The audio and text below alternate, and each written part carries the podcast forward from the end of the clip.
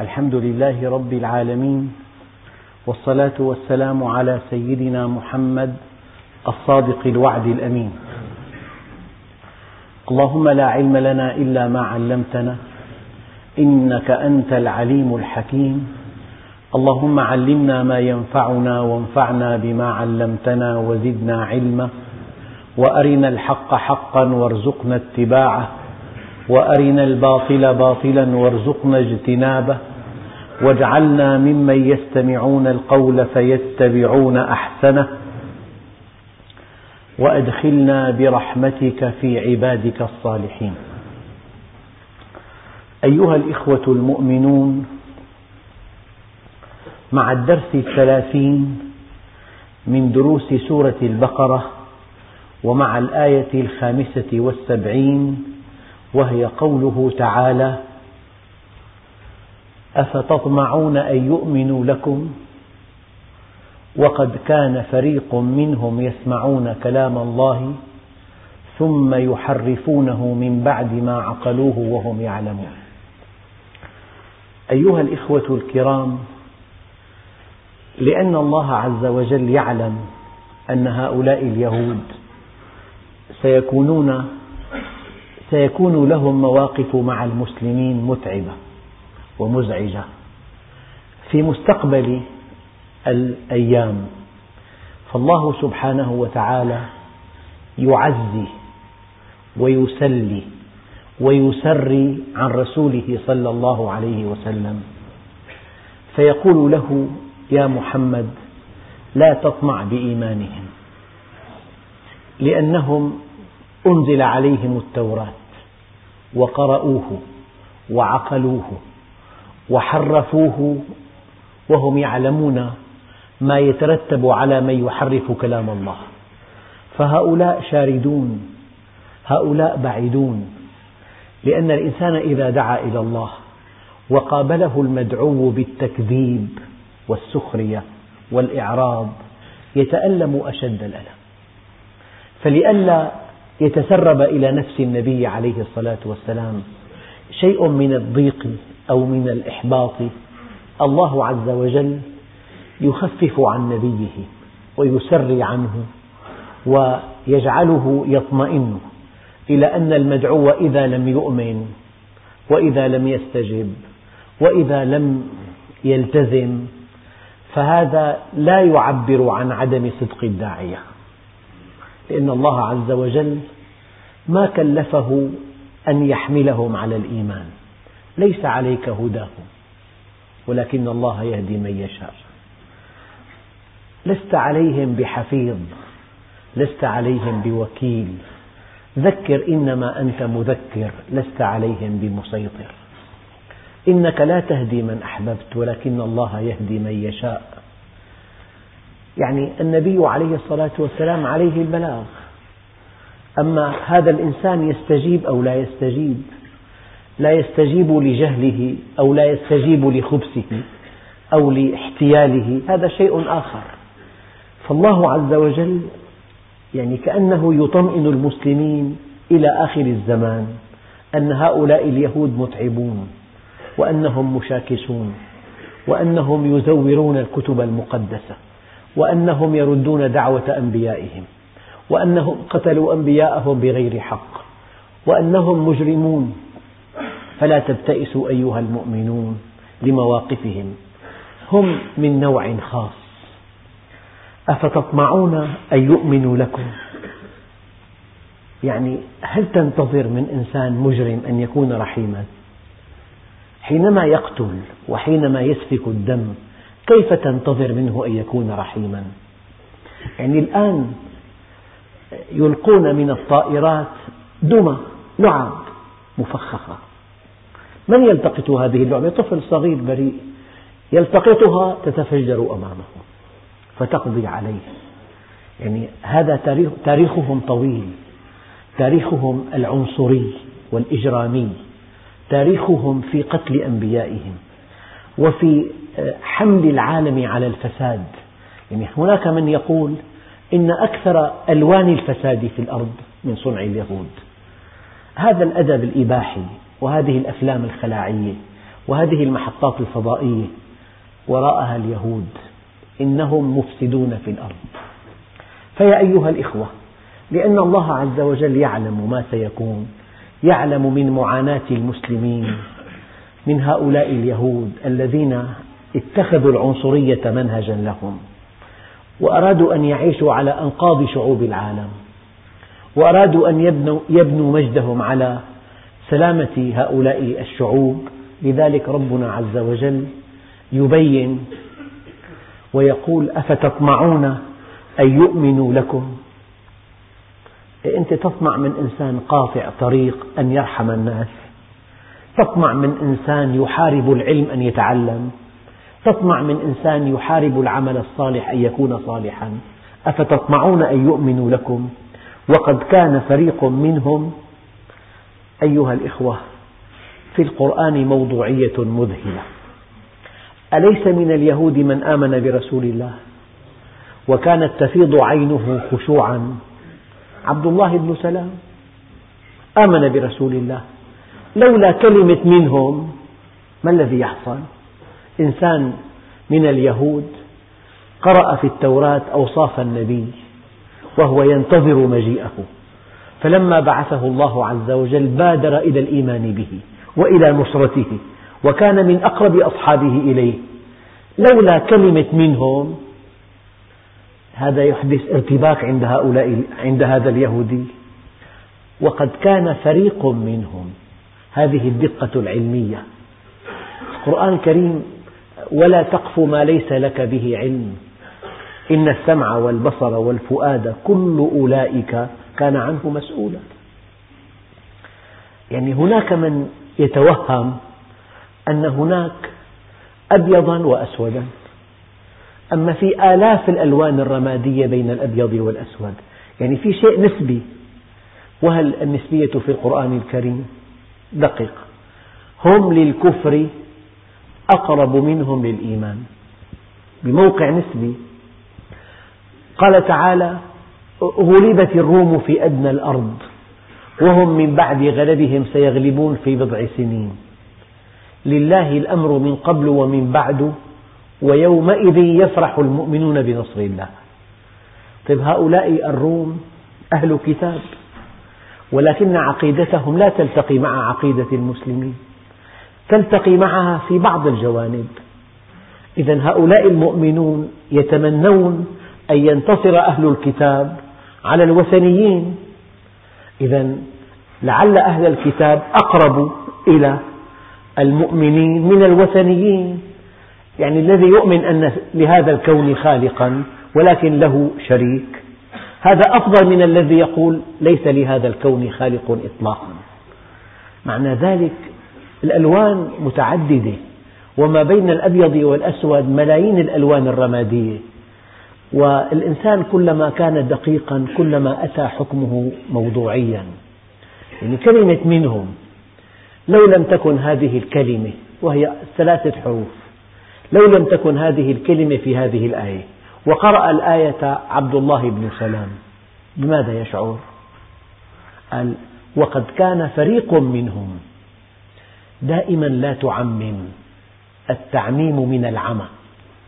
كل إنسان يقول لك هلك الناس. لا بعض الناس لم يهلكوا. الناس ما فيهم خير. لا الخير في وفي أمتي إلى يوم القيامة. أمتي كالمطر.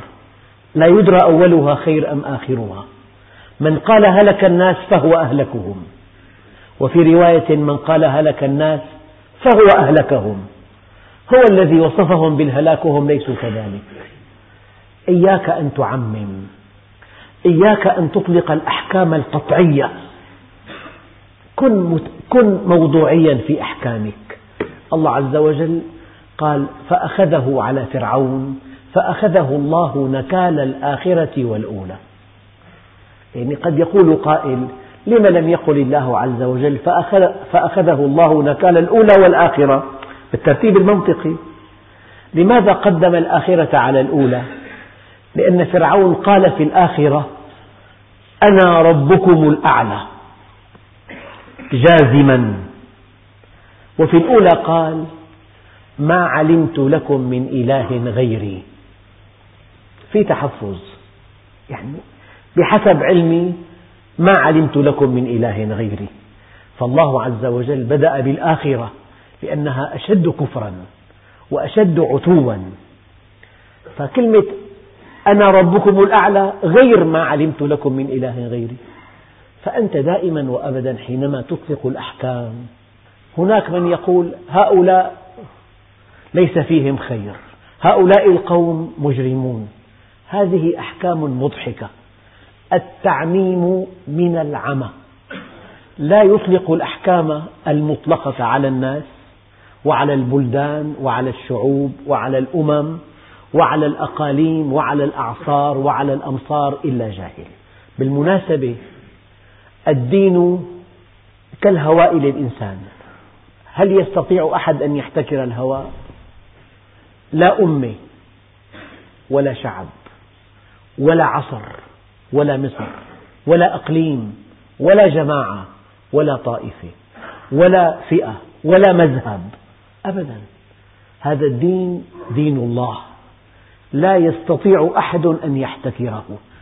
فإياك والأحكام المطلقة إياك والأحكام العنيفة إياك والأحكام الحادة إياك أن تطلق الحكم دون تحفظ. ما علم نعم. والآية الكريمة نعم. أفتطمعون أن يؤمنوا لكم وقد كان فريق منهم فريق منهم من للتبعيض يعني بعضهم وبعضهم الآخر آمنوا برسول الله وكانوا من أقرب الناس إليه وكانوا من أرقى أصحابه. وعلى رأسهم عبد الله بن سلام. وله قصة إن شاء الله. إذا أمكنني في الدرس القادم أسمعكم إياها. إذا أفتطمعون أن يؤمنوا لكم؟ وقد كان فريق منهم يسمعون كلام الله ثم يحرفونه. يعني دائما الإنسان الخبيث حينما لا يستطيع رد النص يحرفه. القرآن قطعي الثبوت. لا يستطيع أحد أن يقول هذه ليست آية في كتاب الله. لكن لأن الحديث الشريف ظني الثبوت. هناك من يرد الأحاديث الصحيحة. ومن رد الحديث المتواتر فقد كفر. ومن رد الحديث الصحيح فقد فسق. لذلك آه، هؤلاء كما قال عليه الصلاة والسلام هؤلاء اليهود آه، كأن الله عز وجل يسلي نبيه. يخفف عن نبيه من شدة تكذيب اليهود له. قال يا محمد لا تحزن عليهم لا تبالي بتكذيبهم. عليك البلاغ وعلينا الحساب. إن إلينا إيابهم ثم إن علينا حسابهم. هم أتعبوا نبيهم وكذبوا أنبياءهم وقتلوا أنبياءهم وفعلوا كل شيء. الآن كما قلت لكم في كل درس في هذه السورة إن الأمراض التي وقع بها بنو اليهود نحن مرشحون أن نقع بها. هم بدلوا وغيروا. ونحن حينما معنا كتاب قطعي الثبوت الحديث ظني الثبوت فهناك من يرد حديثا لا ينسجم مع هوى نفسه. لكن هذا المنحرف هذا المبتدع لا يستطيع أن يرد آية طيب ماذا يفعل؟ يأتي إلى تأويلها ما دامت آيات القرآن الكريم كلها قطعية الثبوت فلا سبيل إلى تكذيب آية منها والقرآن كله قطعي الثبوت إذا هناك من يلجأ إلى اللعب بالتأويل فيؤول فإذا أراد أن يبيح لنفسه الربا قال يا أيها الذين آمنوا لا تأكلوا الربا أضعافا مضاعفة. يقول إن الله نهانا عن أكل الربا أضعافا مضاعفة ولم ينهنا عن أكله بنسب ضئيلة. أليس هذا تحريف لكلام الله؟ لو سألت عالم الأصول لقال لك إن هذا وصفا إن هذا وصفا إن هذا قيدا وصفيا وليس قيدا احترازيا. هي قضية دقيقة بالتفسير. يعني مثلا هناك أوضح من ذلك. ولا تكرهوا فتياتكم على البغاء. إن أردنا تحصنا. طيب لو أن الفتاة لم ترد التحصن هل يباح للأب أن يكرهها على الزنا؟ مستحيل. مستحيل وألف مستحيل. ما معنى هذه الآية؟ يعني لا تكرهوا فتياتكم على البغاء. اللاتي من شأنهن أن يردن التحصن والزواج. العلماء قالوا هذا قيد وصفي وليس قيدا احترازيا. نعم.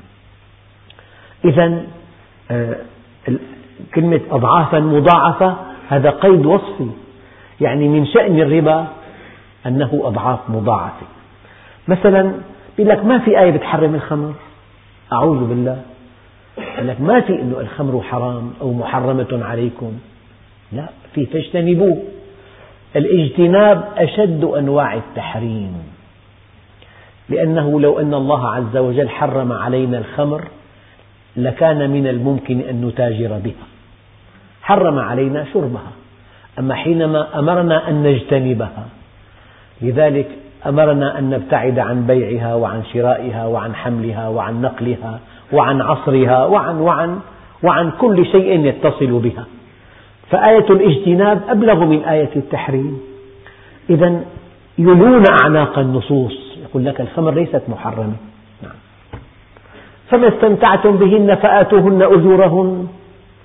فهمت هذه الآية على غير ما أراد الله عز وجل. فهمت هذه الآية على غير ما أراد الله عز وجل. هذا من لي أعناق النصوص. ومن تحريف الكلم عن مواضعه. الذين إن مكناهم في الأرض أقاموا الصلاة لا يصلون لأن الله لم يمكنهم في الأرض. كلام مضحك. يعني هي مشكلة آه، لي أعناق النصوص. هذه مشكلة آه، التبديل والتغيير والتزوير والتحوير وهذا وقع به المسلمون.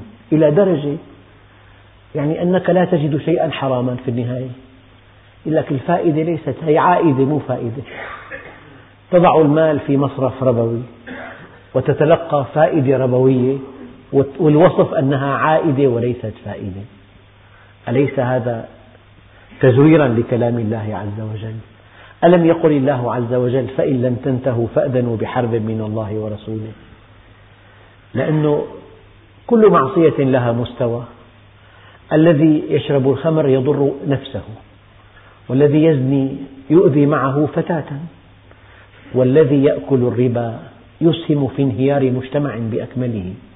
لأن هذه الكتلة النقدية في الأصل ينبغي أن تكون بين أيدي الناس جميعا موزعة بين كل الناس. فبأية طريقة؟ إذا اجتمعت في أيد قليلة وحرمت منها الكثرة الكثيرة كانت الكوارث والحروب والمنازعات والشقاء البشري. يعني في إحصاء قرأته البارحة. ثلاثة أرباع موارد الأرض. ثلاثة أرباع موارد الأرض. الخمس قارات. الثروات الباطنية كل ما في الأرض من ثروات يملكها عشرون بالمئة من سكان العالم. ثلاثة أرباع ما في الأرض. يملكها عشرون بالمئة من سكان العالم. لذلك تمتلئ الأرض ظلما وجورا. فيأتي أخي عيسى فيملأها قسطا وعدلا. أيها الإخوة من أجل أن تبقى هذه الكتلة النقدية بين أيدي الناس جميعا حرم الشرع أن يلد المال المال فقط. حرم الشرع أن يلد المال المال. المال يلد بالأعمال فإذا حصرنا كسب المال بالأعمال توازنت الأمور ووزعت هذه الكتلة النقدية بين أيدي الجميع بين أيدي كل من يعمل كل من يعمل أما إذا واحد بيقدر بماله فقط أن ينميه نماء فاحشا من دون عمل عن طريق الربا ما الذي يحصل؟ تتجمع الأموال كلها في أيد قليلة وتحرم منها الكثرة الكثيرة. لذلك أكثر الثورات والحروب العالمية وراء سوء توزيع الثروة طبعا هذا شيء ثابت. فلما ربنا حرم الربا حرمه ليضمن أن يعيش الناس جميعا في سعة وفي أمن وفي بحبوحة نعم. فهذا الذي يبدل ويغير وقد كان فريق منهم يسمعون كلام الله ثم يحرفونه من بعد ما عقلوه. إلى أن تصل إلى درجة أن لكل معصية فتوى. أبدا. الغناء والرقص والتمثيل كل معصية لها فتوى. ما هذا الدين المرن؟ صار غاز الدين غاز في أي مكان بيدخل؟ يعني ينبغي أن تقول أنا مسلم فقط. افعل ما تشاء. لك أن تكسب المال الحرام ولك أن تضع الأموال في المصارف الربوية ولك أن تلتقي مع من تشاء ولك أن ت... هذا إذا وصل الدين إلى هذا المستوى انتهى الدين. الدين منهج الدين صلب لا يسيخ ولا يتبخر. فلذلك النقطة الدقيقة أنه حينما يريد أناس من أعداء الدين أن يضعضعوا قيمة الدين. ومعهم كتاب قطعي الثبوت. ماذا يفعلون؟ يبدلون في التأويلات. يعني يأتون بتأويلات ما أنزل الله بها من سلطان. ما أنزل الله بها من سلطان. نعم. مثلا بيقول لك واحد الذي يدافع عن سفور النساء. لماذا في آية غض البصر؟ والله استنباط ما يخطر ببال إنسان. لأنه في آية غض البصر معناها النساء سافرات كلهن. لو أنهن محجبات لما كان هناك من فائدة من غض البصر. هكذا يفهم الناس يفهمون النصوص. فحينما يواجهون نصا قطعي الثبوت قرآنا قطعي الثبوت ماذا يفعلون؟ يلون أعناق النصوص يحرفون يبدلون يزورون. نعم. والحقيقة هناك من يفتي بجهل هذا إنسان جاهل ولكن الذي يفتي بخلاف ما يعلم. هذا إنسان يرتكب في الدين جريمة كبيرة. يفتي بخلاف ما يعلم. يعلم الحكم الشرعي ولكن يغير ويبدل ويلوي أعناق النصوص كي يصل إلى فتوى ما أنزل الله بها من سلطان. لذلك الفتوى جسر إلى النار. والإنسان إذا كان جبانا في الفتوى فهو بسبب ورعه وخوفه من الله عز وجل. آه، النبي عليه الصلاة والسلام يطمع بهداية الناس جميعا لأنه حمل هذه الدعوة وكل داعية صادق يطمع بهداية الناس جميعا ويبذل كل ما في وسعه ولكن حينما يصد الناس عن النبي وحينما لا يستجيب الناس لهذه الدعوة هذا لا يقدح في نزاهة الداعية ولا يقدح في إخلاصه ولا في صدقه لأن الإنسان مخير بدليل أن أقرب أقرباء النبي لم يؤمن به. عمه أبو طالب لم يؤمن به. أبو جهل أبو لهب أعمامه لم يؤمنوا به. تبت يدا أبي لهب وتب ما أغنى عنه ماله وما كسب. من هنا قال عليه الصلاة والسلام يا فاطمة بنت محمد يا عباس عم رسول الله أنقذا نفسيكما من النار أنا لا أغني عنكما من الله شيئا. لا يأتيني الناس بأعمالهم وتأتوني بأنسابكم من يبطئ به عمله لم يسرع به نسبه. لو وقفنا وقفة متأنية عند كلمة أفتطمعون أن يؤمنوا لكم. الإنسان متى يطمع؟ حينما تتطلع إلى ما لا تملك حينما تتطلع إلى ما لم تكلف حينما تتطلع إلى ما ليس في مقدورك فأنت بهذا تطمع. هلأ أيام الإنسان الذي تقدمت به السن يطمع أن يكون شابا لكن هذا مستحيل. عقارب الزمن لا ترجع إلى الوراء. الفقير يطمع أن يكون غنيا إلا أن الإنسان إذا أراد أن يوسع حركته في الدنيا فبذل جهد كبير كي يوسع هذه الحركة. هذا لا يطمع. أما حينما يبني رفاهه ورغد عيشه على حركة الآخرين على جهدهم على كسبهم على كد يمينهم وعرق جبينهم هذا ظالم لنفسه. يعني أنت إذا بذلت جهد كبير وحصلت دخل واستمتعت به لك يعني حساب آخر من نوع ثاني أنك ضيعت الوقت فيما لم تخلق له. أما حينما تريد أن تعيش حياة ناعمة رغيدة على حساب الآخرين هذا ليس من حقك. هذا أصل الطمع أن تتطلع إلى ما ليس لك. أن تتطلع إلى ما لم تكلف به. أن تتطلع إلى ما يفوق قدراتك. هذا أصل الطمع. لو وقفنا عند أصله بشكل موضوعي أنت حينما تتطلع إلى ما لا تملك أو إلى ما ليس لك أو إلى ما, أو إلى ما لا تقدر عليه فأنت وقعت في الطمع والطمع ليس خلقا محمودا. أما في الهداية موضوع ثاني. المؤمن يطمع بهداية الناس جميعا مع أنه لم يكلف بذلك. ليس عليك هداهم.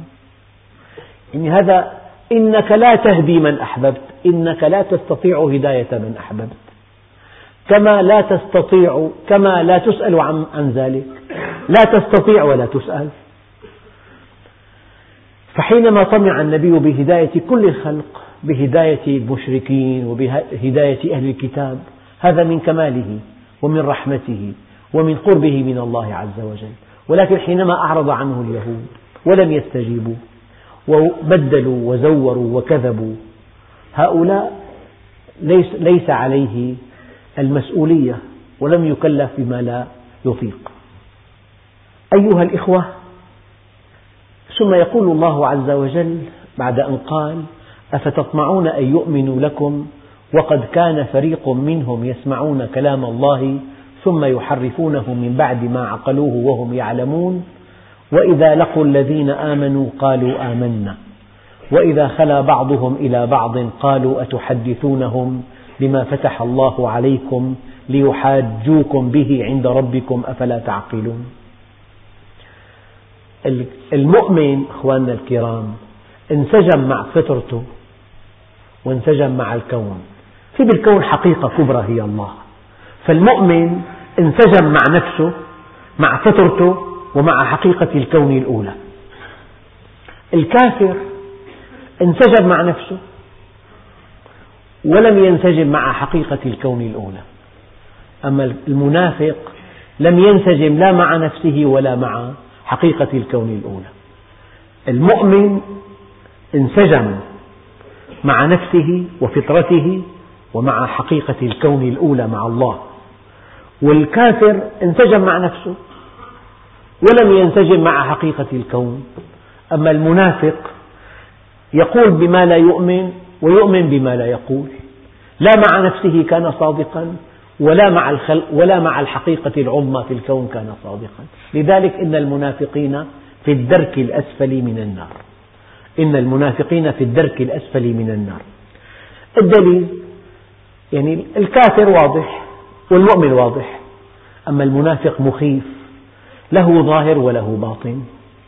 له كلام يعلنه وله معاني يبطنها. له موقف مع المؤمنين. يقول لك أعطيه جمله بساير وله موقف مع الكفار والكفار والملحدين. فلذلك آه، وإذا لقوا الذين آمنوا قالوا آمنا. وإذا خلا بعضهم إلى بعض قالوا. اليهود عندهم في توراتهم أوصاف النبي كاملة. وكانوا يتحدون العرب بهذه الأوصاف. فيأتي نبي منكم ونحن سنكون أول من يؤمن به. فلما حدث هؤلاء اليهود بعضهم بعضا قال أتحدثونهم؟ بما فتح الله عليكم ليحاجوكم به عند ربكم أفلا تعقلون؟ كأن الله لا يعلم. لأن الله عز وجل قال بالمناسبة يمكن ما في معرفة في الأرض أقوى ولا أرسخ ولا أثبت ولا أوضح ولا أسهل. من معرفة الأب لابنه. سمعت بحياتنا كلها أنه أب قال لأبنه شو اسمك أنت يا ابني؟ مستحيل مستحيل. قال يعرفونه كما يعرفون أبناءهم.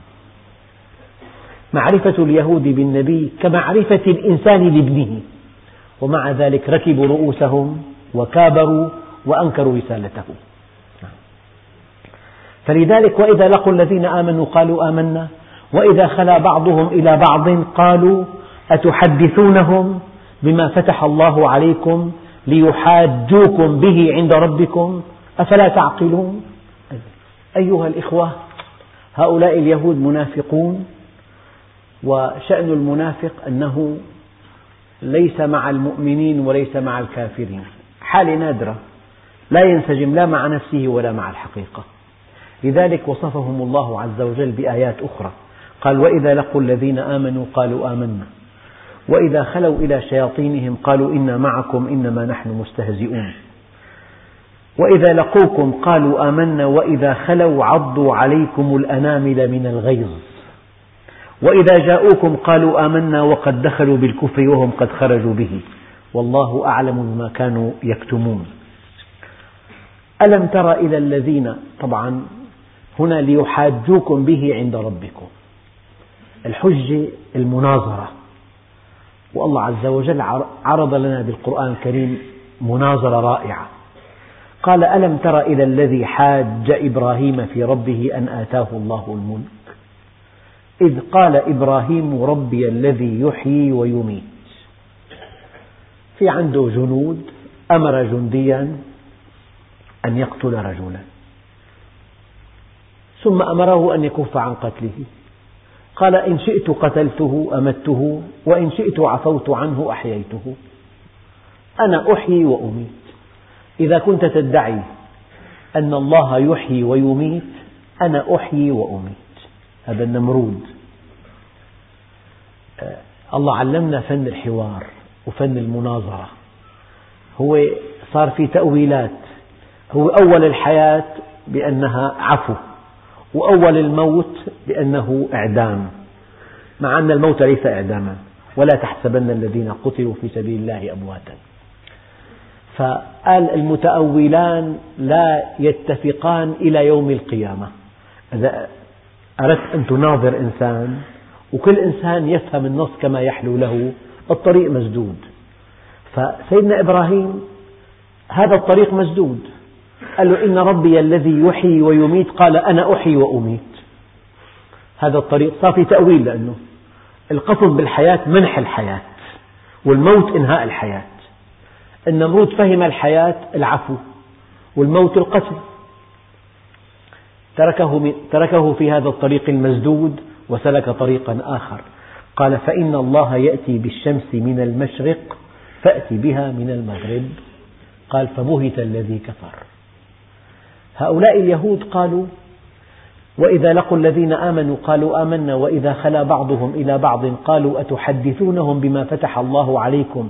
يعني أنتم عم تعطوهم حجج للعرب ليحاجوكم يوم القيامة عند ربكم. أنتم تقدمون أوصاف النبي كما جاءت في توراتكم صار معهم حجة وكأن الله لا علاقة له بهذا الموضوع إطلاقا. أرأيتم إلى إيمانهم؟ قضية أنه إذا كان ذكر الشيء وهذا ما يقع به المسلمون أحيانا. يعني ممكن إنسان بكلمة يقلب الحق إلى باطل. مستحيل. يعني إذا قلنا عوائد فوائد بدلنا كلمة فوائد بعوائد. التغى الربا يعني. إذا تكلمنا كلمة التغى الزنا إذا قلنا أنه لمرة واحدة أجرة متعة صار الزنا مباح يعني. ممكن الأمور تنقلب بكلمة بحرف مستحيل. فلذلك الله عز وجل قال أتحدثونهم بما فتح الله عليكم ليحاجوكم عند ربكم؟ أفلا تعقلون؟ الآن اسمع الآية الكريمة. أولا يعلمون أن الله يعلم ما يسرون وما يعلنون؟ أرأيت إلى ضعف الإيمان؟ كأن الله في السماء لا يرى شيئا في الأرض. قضية معك حجة ما معي حجة بلغته لم بلغته. شيء مضحك. يعني كثير في أشياء بالفتاوى مضحكة جدا. يعني بكم سعر هذا الشيء؟ بيقول لك بألف نقدا بألف وخمسمية تقسيطا صار في مشكلة. بيقول له بألف نقدا شو طابخ؟ بيقول له فاصولية. وألف وخمسمية تقسيطا ما دام في فاصولية بين السعرين ما بقى في مشكلة. والله شيء بضحك. هذا نفسه يقع عندنا. يعني دخلت كلمة غريبة صار في مجلسين التغى الحرمة التغت. فأولا يعلمون أن الله يعلم وقديما كان يضع زكاة ماله برغيف خبز ويهبها للفقير.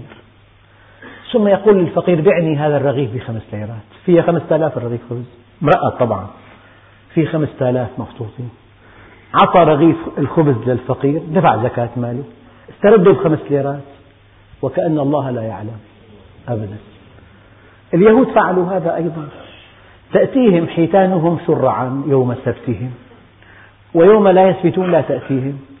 فجمعوا الحيتان يوم السبت صادوا يوم الأحد ما عملنا شيء والمسلمون وقعوا في حيل شرعية لا تقل عن هذا. لازم يقعد مع مرت أخوه. القضية سهلة. بيجيب بنت صغيرة عمرها سنة بترضعها مرت أخوه. صارت أمها بيعقد عقده عليها. صارت حماته على التأبيد. يطلقها يقعد مع مرت أخوه. انتهت العملية هذا الذي فعله اليهود. نفعله نحن اليوم. فلذلك الإسلام عظمته أكثر أنواع هذه الفتاوى سببا. أولا يعلمون أن الله يعلم ما يسرون وما يعلنون. من ضعف إيمانهم يظنون أنهم يأتون بحيلة شرعية مقبولة عند الله عز وجل. قبل ما يحول الحول على المليون بيدفعوا رعبون لشي بيت. بعدين بيلغي العقد التغى الحول رد استردوا المليون. أو بيريد ما ما يورث أحد بيعمل سند دين وهمي بخمس ملايين. صار الميت مديون ما بقى في كل شيء نقدي انتهى. أو بيطلق زوجته على فراش الموت حتى ينتهي يخلص من ميراثها إيه، هناك آلاف آلاف الفتاوى كلها باطلة. كلها أساسها أن الذي يفعل هذا لا يعلم أن الله يعلم. لا يعلم أن الله يعلم. يظنه لا يعلم. أولا يعلمون أن الله يعلم ما يسرون وما يعلنون.